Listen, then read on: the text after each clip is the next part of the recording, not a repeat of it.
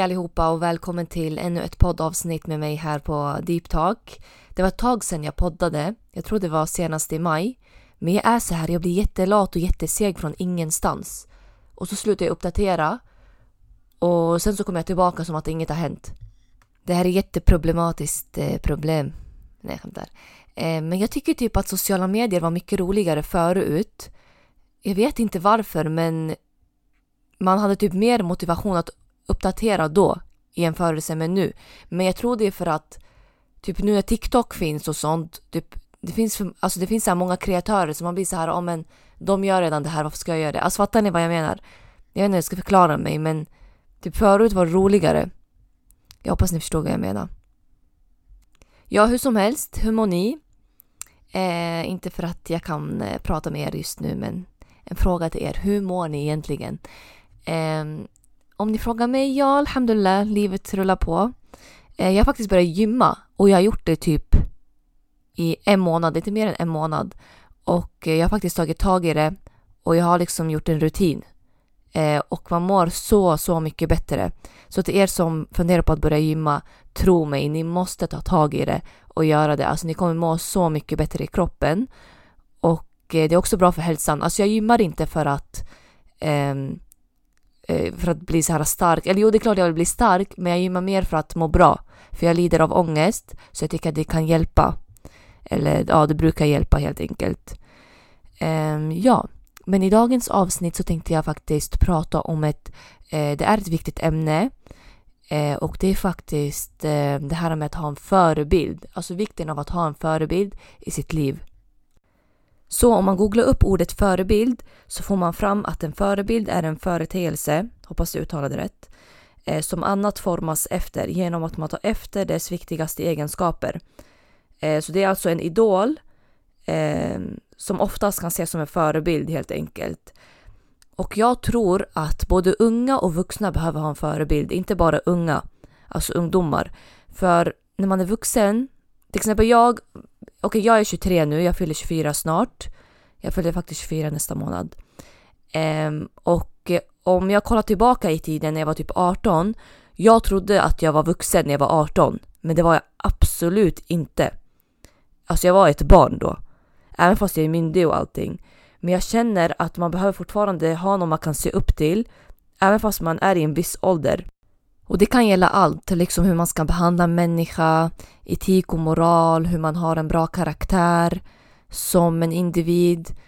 Um, och jag tänker också mycket på det här som händer just nu i Sverige, det här med eh, gängkriminaliteten, när man rekryterar unga barn till att begå brott. Och tyvärr så förlorar man dem i ja, gängkrigen, om det nu heter så.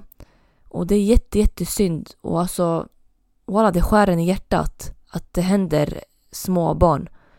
Och man, man blir rädd sen i framtiden, så här, tänk om man får egna barn. Och liksom, hur gör man? Tänk om de hamnar i en sån här miljö. Så jag tror det är jätteviktigt att man har någon man kan se upp till. Jag tänkte faktiskt prata lite nu om eh, vem min förebild är. Och jag tror att den här personen kommer alltid vara min förebild. Men jag tänkte först gå in på vem min förebild var när jag var yngre. Så när jag var yngre, alltså när jag var ett barn, då var Justin Bieber min förebild. Alltså jag älskade Justin Bieber. Jag brukade alltid sätta upp affischer på honom. Jag brukade lyssna på hans musik och köpa t-shirtar där det var bilder på honom. Ja, jag såg upp till han jättemycket. Okej? Okay?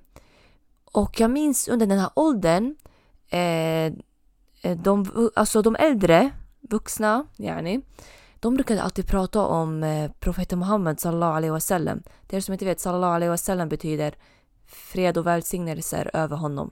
Så vi muslimer säger alltid det här efter att vi nämner hans namn. Eh, och jag minns att de alltid brukade prata om honom och jag tänkte så här för mig själv, jag bara, varför älskar de honom så mycket? Och det var för att jag var inte så kunnig under den tiden, för jag var ju liksom ett barn. Eller ja, barn, jag var... Ja, jag vet inte, jag kanske var typ 13, 14 någonstans där. Och jag förstod liksom inte varför man älskade honom så mycket och mm, de pratade om honom hela tiden och liksom under fredagar så sa man alltid ja men skicka välsignelser över profeten Muhammed ehm, och så. Men nu ju äldre jag har blivit desto mer började jag förstå varför man älskar profeten sallallahu alaihi wasallam så mycket. Och efter att man studerar hans eh, biografi, jag tror det heter biografi eller biograf, jag vet inte. Eh, men efter att man studerar hans eh, sira, heter det på eh, arabiska, men det är liksom hans historia och det han har gjort och varit med om helt enkelt. Tro mig, alltså eran kärlek kommer växa för honom för varje, varje dag. Alltså ibland om jag hör hans namn, wallah jag blir tårögd. Alltså på riktigt. För det är en så, så fin människa. Och jag blir faktiskt besviken när jag hör folk prata illa om honom. Men i slutändan så vet jag att de är ignoranta, de har ingen kunskap. Och hade de läst om honom, de hade ändrat deras uppfattning helt och hållet. Det som stack ut väldigt mycket hos profeten sallallahu alaihi wasallam var faktiskt hans karaktär. Självklart så finns det också flera egenskaper han hade som stack ut, men han var faktiskt känd för sin karaktär. Ehm, och folket brukade kalla honom för Al-Amin. Al-Amin betyder den uppriktige. För han var en jättetrovärdig person. Och jag har också för mig att judarna i Medina brukade kalla honom för Al-Amin också. Så tänk er att till och med de icke-muslimerna brukade kalla honom för det. Eh, lite av informationen som jag kommer säga nu har jag faktiskt sagt i en eh, video. Jag har ett annat konto som heter reflektioner där jag lägger ut islamiska påminnelser. Så om ni inte följer mig där, ni kan följa mig där. Jag finns på både TikTok och Instagram. Eh, så jag kommer repetera lite här, men repetition är alltid bra.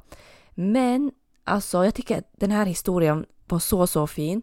Eh, och det var när profeten sallallahu alaihi wasallam eh, gifte sig med Khadija, hans fru då. Och det var faktiskt hans fru som friade till honom. Och det var på grund av hans karaktär, hur fin karaktär han hade, att hon blev så imponerad av eh, hans karaktär helt enkelt.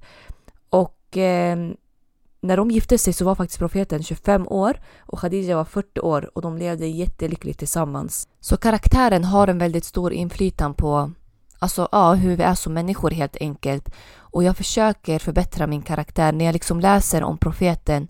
Eh, alltså jag försöker efterlikna honom så mycket jag bara kan. Men det, det är svårt för vi, alltså ingen är perfekt, vi är människor, förstår ni vad jag menar? Och ibland så brister det, ibland så kanske man kan bli arg, men det där är normalt. Men när man läser om honom, alltså om profeten, eh, man blir så inspirerad av hur han var som person och man försöker efterlikna honom och följa hans sunna så mycket man bara kan. Under de senaste åren så har jag faktiskt börjat läsa. Jag brukade inte göra det förut. Alltså jag hatade att läsa, speciellt när jag gick på gymnasiet, alltså när jag gick i skolan och så. Jag hatade att läsa.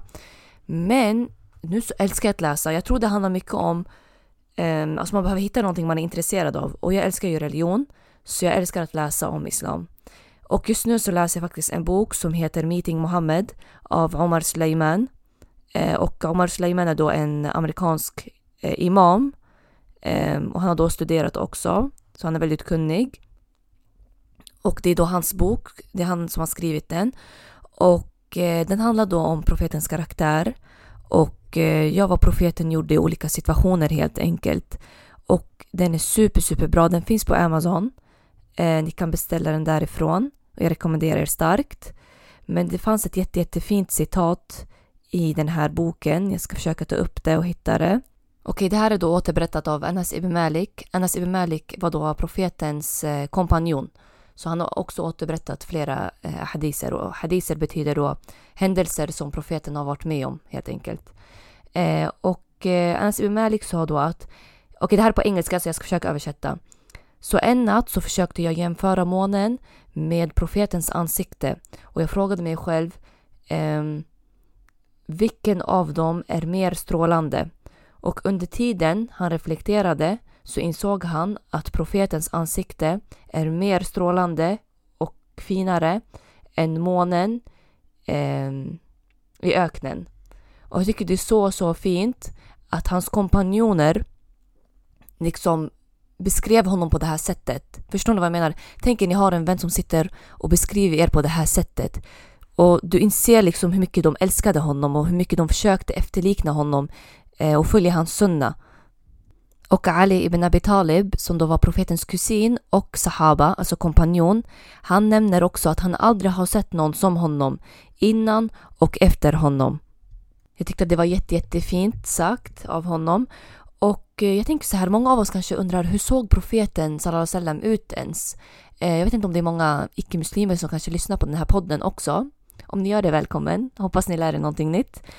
Men det beskrivs faktiskt i den här boken hur han såg ut exakt. Eh, så jag tänkte faktiskt beskriva för er hur han såg ut.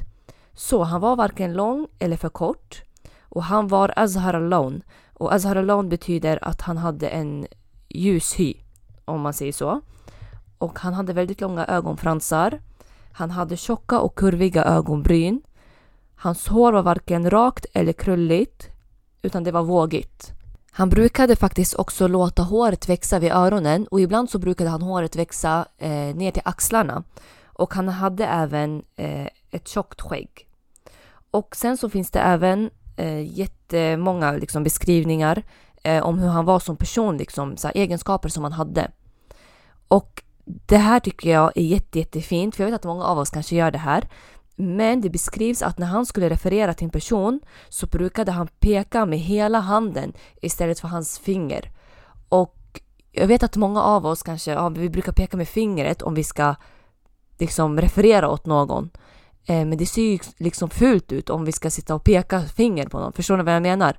Så jag tyckte det här var jättefint att han pekade med hela handen för att liksom visa någonting. Och även när han skulle lyssna på någon så brukade han vända hela sin kropp mot personen för att visa att han verkligen lyssnade och prioriterade den här personen. Och tänk oss ibland, ibland så kanske vi sitter och håller på med telefonen. Det är 2023, ny generation, vi håller på med telefonerna. Och jag kan själv säga, ibland så gör jag sådär. Väldigt ofta. Jag sitter och kollar ner i telefonen till exempel ifall min syster ska prata med mig och det är jättefult. Jätteful egenskap som jag har eh, har, jag kan inte prata svenska, som jag har som jag behöver ändra på. Eh, så Haifa om du lyssnar på det här, jag lovar jag ska försöka ändra mig själv nu. Nej men på riktigt, när man läser sådana här saker om ens förebild, du kommer vilja efterlikna den här personen ännu mer. Det finns en jätte, jättefin hadis som jag tycker att vi bör efterlikna och utgå ifrån. Och eh, ja, innan jag börjar prata om hadisen Eh, till er som inte vet, vi muslimer anser att profeten, eh, liksom han är den bästa människan och han är perfekt och han har inga synder. Så han är perfekt. Men trots det så bad han ändå. Och det finns en hadis eh, som säger att profeten brukade be så pass mycket att han ben svullnade. Eh, så det var en som frågade honom varför, varför ber du så mycket när du redan är förlåten för allt? Och då svarade profeten, borde inte jag vara en tacksam slav till Allah? Tänk er, han är förlåten för allting och han är den bästa människan. Men ändå så bad han så pass mycket att hans ben svullnade. Och jag tänker så här, vilka är vi då? Alltså förstår ni vad jag menar? Vi människor, vi syndar så pass mycket och vi ber, men det känns inte som vi gör tillräckligt ändå. Förstår ni vad jag menar? Så varför inte göra det extra? Försök, kolla. Ibland så brukar jag tänka så här. Äh. Jag försöker tänka att Ramadan är varje dag, inte bara under Ramadan. Förstår ni vad jag menar? Yani nattbönen, ni kan be nattbönen även fast det inte är Ramadan. Nattbönen börjar efter Isha fram till innan Fajr. Så ni har på er att be, alltså två rakat, hur mycket ni vill. Profeten brukade be åtta plus eh, tre witter. Eh, så sammanlagt blev det elva rakat, alltså elva enheter. Så försök tänk så här att Ramadan är varje dag. Det behöver inte bara vara under Ramadan. Så försök göra så mycket ni bara kan, även under de normala dagarna. För ni vet aldrig, morgondagen är inte garanterad och vi kan dö när som helst. Och vi alla vill ju att vi ska vara... Alltså vi vill känna att vi har gjort tillräckligt. Förstår ni vad jag menar? Vi vill att Allah ska vara nöjd med oss. Så jag tycker den här hadisen är jätte, jättefin och den motiverar mig verkligen till att försöka göra mer än vad jag gör. Förstår ni vad jag menar? Jag vet att jag kan göra mer. Till exempel om jag har brister i att be, be sunna bönerna, okej okay, men försök be sunna bönerna, ha olika mål. Eh, och ett tips är också att man kan göra så här som en typ anteckningar. Ni kan skriva i era, era anteckningar, i era telefoner, liksom vad ni behöver förbättra. Eller någonting ni tycker att ni kanske är bra på och det ni är dåliga på och så kan ni utifrån det försöka förbättra er. Till exempel som att be sunnabönerna, göra mycket dua, alltså åkallan, Eh, om ni inte ber, börja be helt enkelt. Är ni dåliga på att läsa Koran till exempel, ni brister i det, försök läsa mer Koran. Eh, eller typ ge mer i välgörenhet. Så försök tänka att Ramadan är varje dag, inte bara under Ramadan. Om ni förstår hur jag menar.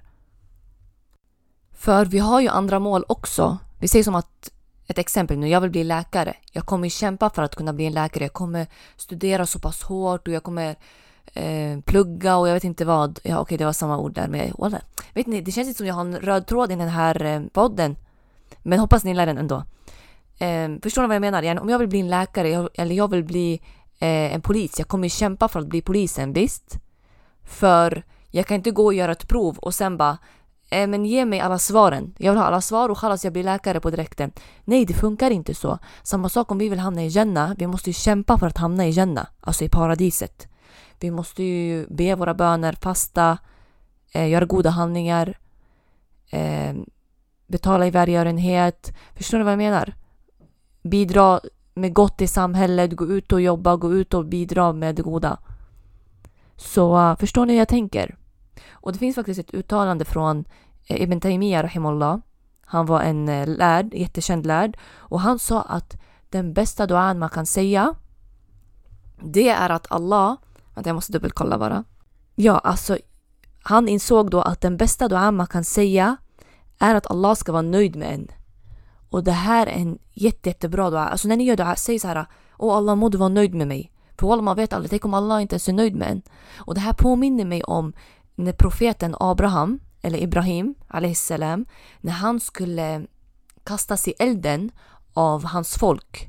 Eh, ni kan kolla upp historien lite mer, eh, men profeten eh, Ibrahim han, han är också en väldigt, väldigt viktig profet hos oss muslimer.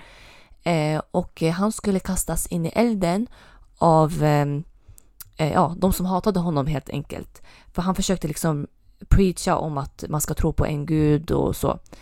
Ehm, men de blev arga på honom. Så de skulle kasta honom in i elden och innan han skulle kastas in så kommer en ängel och så säger den här ängeln till honom eh, jag minns inte exakt men jag tror det var liksom vad önskar du dig just nu? Förstår du vad jag menar? Och han kunde ju ha sagt jag vill, inte ham jag vill inte hamna i elden eller att Allah ska ta ut mig ur elden. Men istället så säger han jag önskar att Allah är nöjd med mig. Förstår ni hur jag menar? Alltså, man blir typ tårögd när man tänker på det men men ändå när han kastades in i elden så gjorde Allah att elden blev eh, kall istället för varm. Så han klarade sig. Eh, så det var helt enkelt en prövning och han hade tawakkul. Tawakkul innebär att man litar på Allah. Så vad som än händer, han litade på Allah ändå. Och det här med tawakkul, nu när vi ändå pratar om eh, ja, alltså att kunna lita på Allah och så, som profeten Ibrahim gjorde. Det finns ett känt uttalande av Ibn al-Qayyim Rahimullah. Han var en känd lärd. Jag älskar verkligen hans böcker och alla hans uttalanden. Han är jätte, jätteduktig lärd. Eh, han sa att för att vi ska kunna lita på Allah så måste vi tro gott om Allah. Okej? Okay? För vi säger som att jag ska gå och lita på en ehm, person. Jag ska gå och lita på en person men om jag ska lita på den här personen, jag måste ju tro gott om den här människan. Visst? Och det här är också en påminnelse till mig, eller till oss alla. Ibland det kan vara svårt att lita på folk eller på vem som helst men vi måste ju då tro gott om den här människan. Och samma sak då ja nu är Allah inte människa, astaghfirullah, men ni fattar vad jag menar. Så för att vi ska kunna lita på Allah så måste vi tro gott om honom helt enkelt. Och jag vet att det kan vara svårt. Man kanske vill ha ett svar på någonting. Man kanske... Jag vet inte, men för att vi ska kunna lita på Allah så måste vi tro gott om honom helt enkelt. Och vi måste ha tålamod. Så ja, det känns som jag har pratat om 70 olika grejer och att jag inte haft någon röd tråd. Men vem bryr sig? Det är ändå lite reflektioner och sånt. Men ja, nu när vi har pratat om det här med att ha en förebild och så, eh, så kan jag försöka liksom eh, avrunda lite. Men jag trodde helt enkelt inte att jag skulle ha profeten sallallahu alaihi wasallam som en förebild. Eh, även fast jag är uppvuxen som muslim och även fast jag har muslimska föräldrar och allt det här. Men jag tror att även fast man, även fast man är född som muslim så behöver man hitta till islam själv. Och jag har sett många citat om det här och jag förstår exakt vad de menar. Jag hade aldrig förstått det här om någon hade sagt det här till mig för några år sedan. Men det är verkligen så. Och det jag menar med det här citatet det är att man måste själv läsa på om sin egna religion. Och om vi vill stärka vår relation med Allah så måste vi lära känna Allah först. Det här är super, super viktigt. Och vi alla är på en resa Och vi lär oss saker varje dag. Så ingen är perfekt. Jag är absolut inte perfekt. Jag är långt ifrån perfekt. Jag lär mig saker varje dag. Och eh, det här är också liksom, hur ska jag förklara för er? Jag är dum aldrig folk. Walla, man ska aldrig döma folk. Någon som går runt utan sjal, eller någon som inte ber, eller någon som inte gör det här och det här. Du vet aldrig vad de har i hjärtat. Walla, de kanske vill börja praktisera, men de har kanske svårigheter hemma. Eller de, det kanske finns några andra hinder. Så må Allah vägleda alla. Oj, vad hände med ljudet nu? Så. Må Allah vägleda allihopa helt enkelt. Och ja, så jag tror det här med förebild, jag tror att alla behöver en förebild. Både unga och vuxna. Även fast du är vuxen, man tror att ah, jag har läget under kontroll. Nej, det behöver inte vara så. Jag, jag är 23 år just nu. Jag behöver fortfarande ha någon jag kan se upp till. Och jag känner att profeten sallallahu alaihi wasallam verkligen är min förebild och någon jag verkligen ser upp till och någon jag verkligen vill följa. Så om ni inte har hittat er förebild än, det här är kanske ett tecken på att läsa mer om profeten, faktiskt. Så läs mer om profeten. Det finns också en bok som heter eh, Prophet Stories. Wow, vilken engelska! Pro Prophet Stories av Ibn Kathir. Ehm, eh, och det, där finns det olika berättelser om eh, alla profeter helt enkelt. Eh, så profeten Sira finns också med där. Eh, jag har inte läst igenom hela, men jag har kollat mycket på filmer och videos på Youtube också. Det finns också en, ehm, en, en, heter det, en film som heter The Message. På arabiska heter den Risala och den finns på Youtube. Så kolla på den. Och mycket som nämns där, det har hänt. Så du kommer lära dig väldigt mycket, för du kommer liksom få en bild i huvudet hur allt var. Um, så ja. Och um, det var faktiskt allt för den här podden. Det blev väldigt kort, men jag känner typ att jag behöver kanske... Grejen är så här, jag sa ju förra gången att jag skulle lösa era problem. Men jag behöver lösa mina problem först. Nej då. Men jag tänker att jag kanske ska göra en sån video också. Där jag löser era problem. Jag tror videon blir ännu längre då och jag har mer att prata om. Um, och om ni har förslag på, mm, podd eller alltså om ni vill att jag ska göra något speciellt avsnitt eller om jag ska prata om någonting. Skicka till mig på Instagram. Uh, för jag behöver inspiration också. Ibland. För jag har ingen motivation ibland, på riktigt. Men det var det, helt enkelt. Jag hoppas att ni gillade den här, det här avsnittet och att ni har lärt er någonting nytt. Och eh, jag vill önska er en trevlig dag. Och vi hörs inshallah i nästa avsnitt.